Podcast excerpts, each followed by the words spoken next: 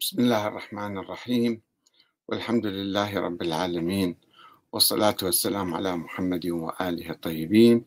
ثم السلام عليكم أيها الأخوة الكرام ورحمة الله وبركاته. كربلاء مقتل رجل أم اغتصاب أمة؟ عاشوراء يوم الحسين يوم المظلوم العالمي. لماذا يصر الشيعة على إحياء ذكرى عاشوراء كل عام؟ وهل يعني ذلك محاولة لنصرة الحسين والمشاركة في معركة كربلاء؟ وكيف يمكن ذلك بعد أربعة عشر قرنا؟ وهل يمكن أن نرجع عقارب الساعة إلى الوراء؟ وكيف يمكن أخذ الثأر لمقتله اليوم؟ ولماذا نعيش في الماضي؟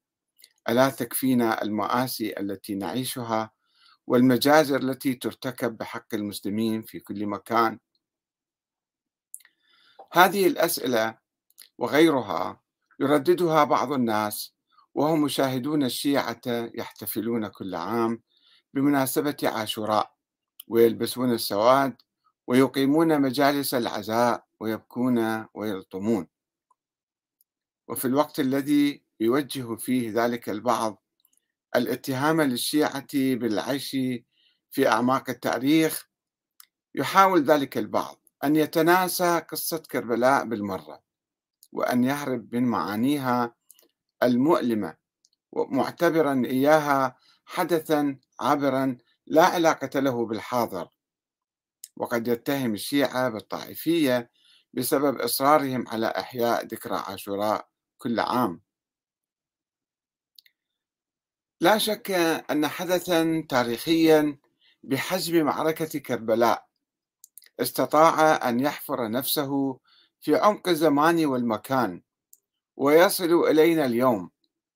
هذا الحدث لم يكن حدثا عابرا وبسيطا.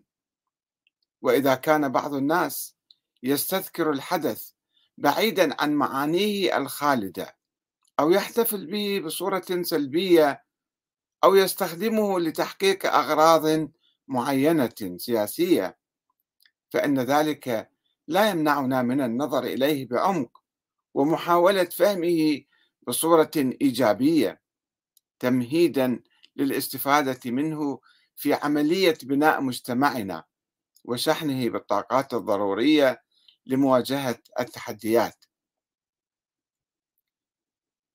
لكي نفهم الحسين جيدا لابد أن نفهم قاتله يزيد جيدا. فهو لم يكن نموذجا شخصيا عابرا أو حاكما اقترف جريمة قتل بحق رجل بريء فقط وإنما هو عنوان على بداية مرحلة انهيار وتحول نحو الأسفل أصاب الأمة الإسلامية. ومثال على عملية اغتصاب السلطة والحكم بالقوة والحديد وتزوير إرادة الأمة ومصادرة حريتها بالكامل وتحويلها إلى أمة من العبيد واسترقاقها سياسيا. وقد تجلى ذلك بصراحة في صيغة البيعة التي أجبر خلالها جيش يزيد بن معاوية أهالي المدينة المنورة من الصحابة والتابعين بعد واقعة الحرة على الإقرار على أنفسهم بأنهم خول وعبيد ليزيد. إن شاء أعتق وإن شاء استرق ومن كان يرفض كان يقتل. ظهر نموذج يزيد ابن معاوية في التاريخ في وقت كانت الأمة الإسلامية تعاني من أزمة تفكك فقدت فيها فاعليتها وقدرتها على التحرك بصورة مجتمعة. وإن لم تفقد روح المقاومة لعملية استعبادها ومصادرة حريتها السياسية. وفي وقت انتشرت فيه ثقافة التخدير والاستسلام واعتبار كل حركة خروجا مذموما وفتنة مكروهة. وبينما كانت الأمة الإسلامية التي حررها الله تعالى تحمل رسالة الإسلام والحرية إلى العالم وترفع هذه الآية يضع عنهم إصرهم والأغلال التي كانت عليهم. شعارا لها. ترفع هذه الآية شعارا لها. كان البعض يحاول استعبادها بالقوة والإغراء والثقافة المنحرفة. وفي الوقت الذي كان ينتظر أن تطور الأمة الإسلامية نظام الشورى وتسد بعض الثغرات التي سمحت بحدوث الفتنة الكبرى بعد مقتل الخليفة عثمان بن عفان رضي الله عنه واحتراب المسلمين في البصرة وصفين. اتجه في هذا الوقت اتجه آل أبي سفيان الذين سيطروا على الخلافة بالقوة إلى إلغاء نظام الشورى وتكريس نظام التوارث واحتكار السلطة في عائلة واحدة ونصب معاوية ابن أبي سفيان ابنه يزيد خليفة على المسلمين خلافا لاتفاقية الصلح التي أبرمها مع الإمام الحسن بن علي الذي تنازل له عن الخلافة على شرط أن تعود بعد موته شورى بين المسلمين. ومن هنا كان تعيين يزيد بالقوة والوراثة خليفة على المسلمين طعنة كبرى للأمة الإسلامية. وعلامة انهيار وبداية مسيرة انحدارية وبابا لفتنة لم تتوقف حيث تحول التاريخ الإسلامي إلى سلسلة طويلة من الحكام الذين يستولون على السلطة بالقوة فيورثونها لأبنائهم وأحفادهم وأحفاد أحفادهم ولا يتنازلون عنها إلا تحت ضغط ثورات شعبية أو انقلابات عسكرية أو حركات تمرد مسلحة تراق فيها أنهار من الدماء والدموع وتستنزف فيها طاقات الأمة وخيراتها وثرواتها وتنتهك فيها أعراضها وقيمها ومقدساتها.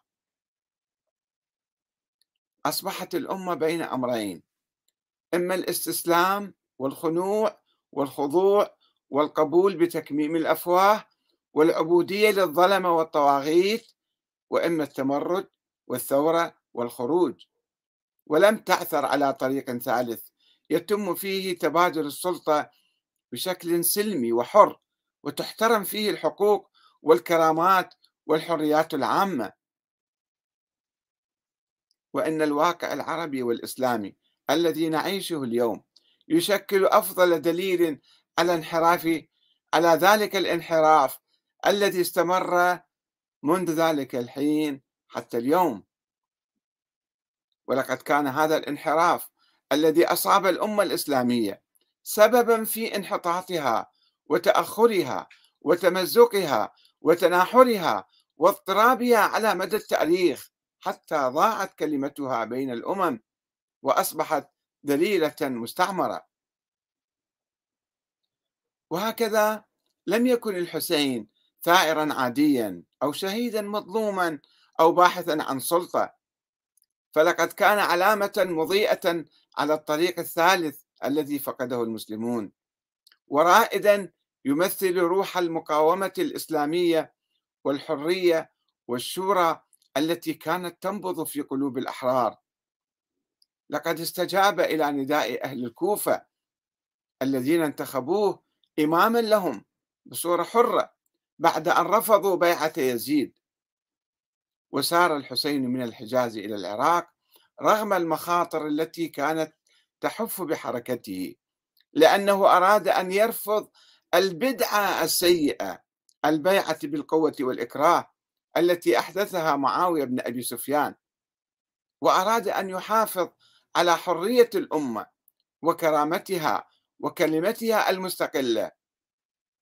وقد أعلن عند خروجه أني لم أخرج أشرا ولا بطرا ولكن خرجت لطلب الإصلاح في أمة جدي. وقال أن يزيد يخيره بين السلة والذلة وهيهات أن يختار الذلة. وقال لجيش يزيد والله لا أعطيكم بيدي إعطاء الذليل ولا أقر لكم إقرار العبيد وخاطبهم قائلا إن لم يكن لكم دين وكنتم لا تخافون المعاد وكنتم عربا كما تزعمون فكونوا أحرارا في دنياكم. ومن أهم ما يلاحظ في حركة الإمام الحسين أنها جاءت تجسيدا لنظام الشورى وانتخاب أهل الكوفة له وأنها تمت في جو من السلم والسلام. حيث لم يستخدم الحسين العنف مع رجال السلطة الأموية أو يريك قدر محجمة دما. في حين استخدمت السلطة الغاصبة أقصى أنواع العنف والإرهاب وقتلت الأطفال وأحرقت الخيام وأسرت النساء. ولهذا هزت حادثة كربلاء ضمير الأمة الإسلامية عبر الزمان والمكان فانتفضت لها المدينة المنورة. ومكة المكرمة بما فيهما من الصحابة والتابعين والمؤمنين الأخيار. واشتعلت الثورات في كل مكان. وعاد أهل الكوفة ليأخذوا بثأرهم من قتلة الحسين في حركة التوابين التي قادها الصحابي الجليل سليمان بن الصرد الخزاعي وحركة المختار ابن أبي عبيد الثقفي. وإذا كانت الأمة الإسلامية قد وقعت منذ ذلك الحين في حمأة الأنظمة الدكتاتورية المستبدة والثورات الدموية العنيفة. فقد آن لها اليوم أن تختار طريق الحسين طريق الشورى والتغيير السلمي وتتجنب ثقافة العبودية والخنوع والاستسلام كما تتجنب طريق العنف والثأر والأحقاد. إن من المؤسف أن تنعم شعوب العالم المعاصر بأنظمة ديمقراطية مستقرة أو تتجه نحو تبادل سلمي للسلطة واحترام حقوق الإنسان ما عدا الشعوب الإسلامية التي لا تزال تعيش تحت أقصى أنواع الأنظمة الدكتاتورية المستبدة وترزح في الأغلال والأواصر والأصفاد. فلا تملك حرية للتعبير ولا للتفكير ولا للانتخاب. ويعيش بعض المسلمين في دول كالأقفاص لا يسمح فيها بالدخول أو الخروج أو الحركة. وإذا كانت توجد في بعض البلاد الإسلامية أنظمة ديمقراطية فهي مزيفة ومنخورة. لا تعيد إلا إنتاج نفسها ولا تتوفر فيها أي حرية إلا حرية الحاكم في النهب والقتل والتعذيب.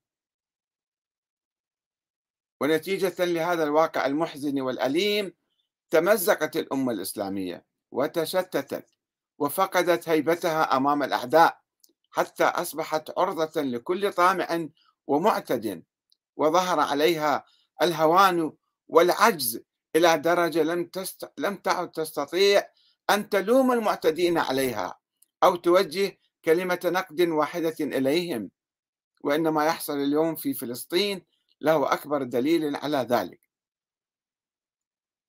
ومن المؤسف أن كثيرا من المحسوبين على الحركة الإسلامية الذين يحاولون إعادة بناء الأمة الإسلامية من جديد أو تكرار تجربة الخلافة لم ينتبهوا إلى نقطة الضعف الكبرى والرئيسية التي أصابت الأمة الإسلامية وهي الدكتاتورية وغياب الشورى. فيحاولون إعادة التجربة الماضية بكل أخطائها ويهملون موضوع الشورى في داخل الحركة الإسلامية وداخل المجتمع الإسلامي. ويأتي آه، موقفهم السلبي من ذكرى كربلاء ضمن سياقه الفكري الذي يرفض تحليل التاريخ وأخذ العبرة منه. وإضفاء القدسية والصحة على كل ما حدث في الجيل الأول. إن قصة كربلاء تسخر بمعاني سامية كثيرة كالتضحية في سبيل الله والحق والحرية والإباء والصمود وهي تحمل صرخة مدوية في وجه الأنظمة الدكتاتورية. وتذكر الأمة بأن قتل الحسين الشهيد ابن بنت رسول الله لم يكن ليحدث لو كانت الأمة الإسلامية تعيش نظام الشورى الذي يسمح بالترشيح والانتخاب ويوفر الحرية والعدالة.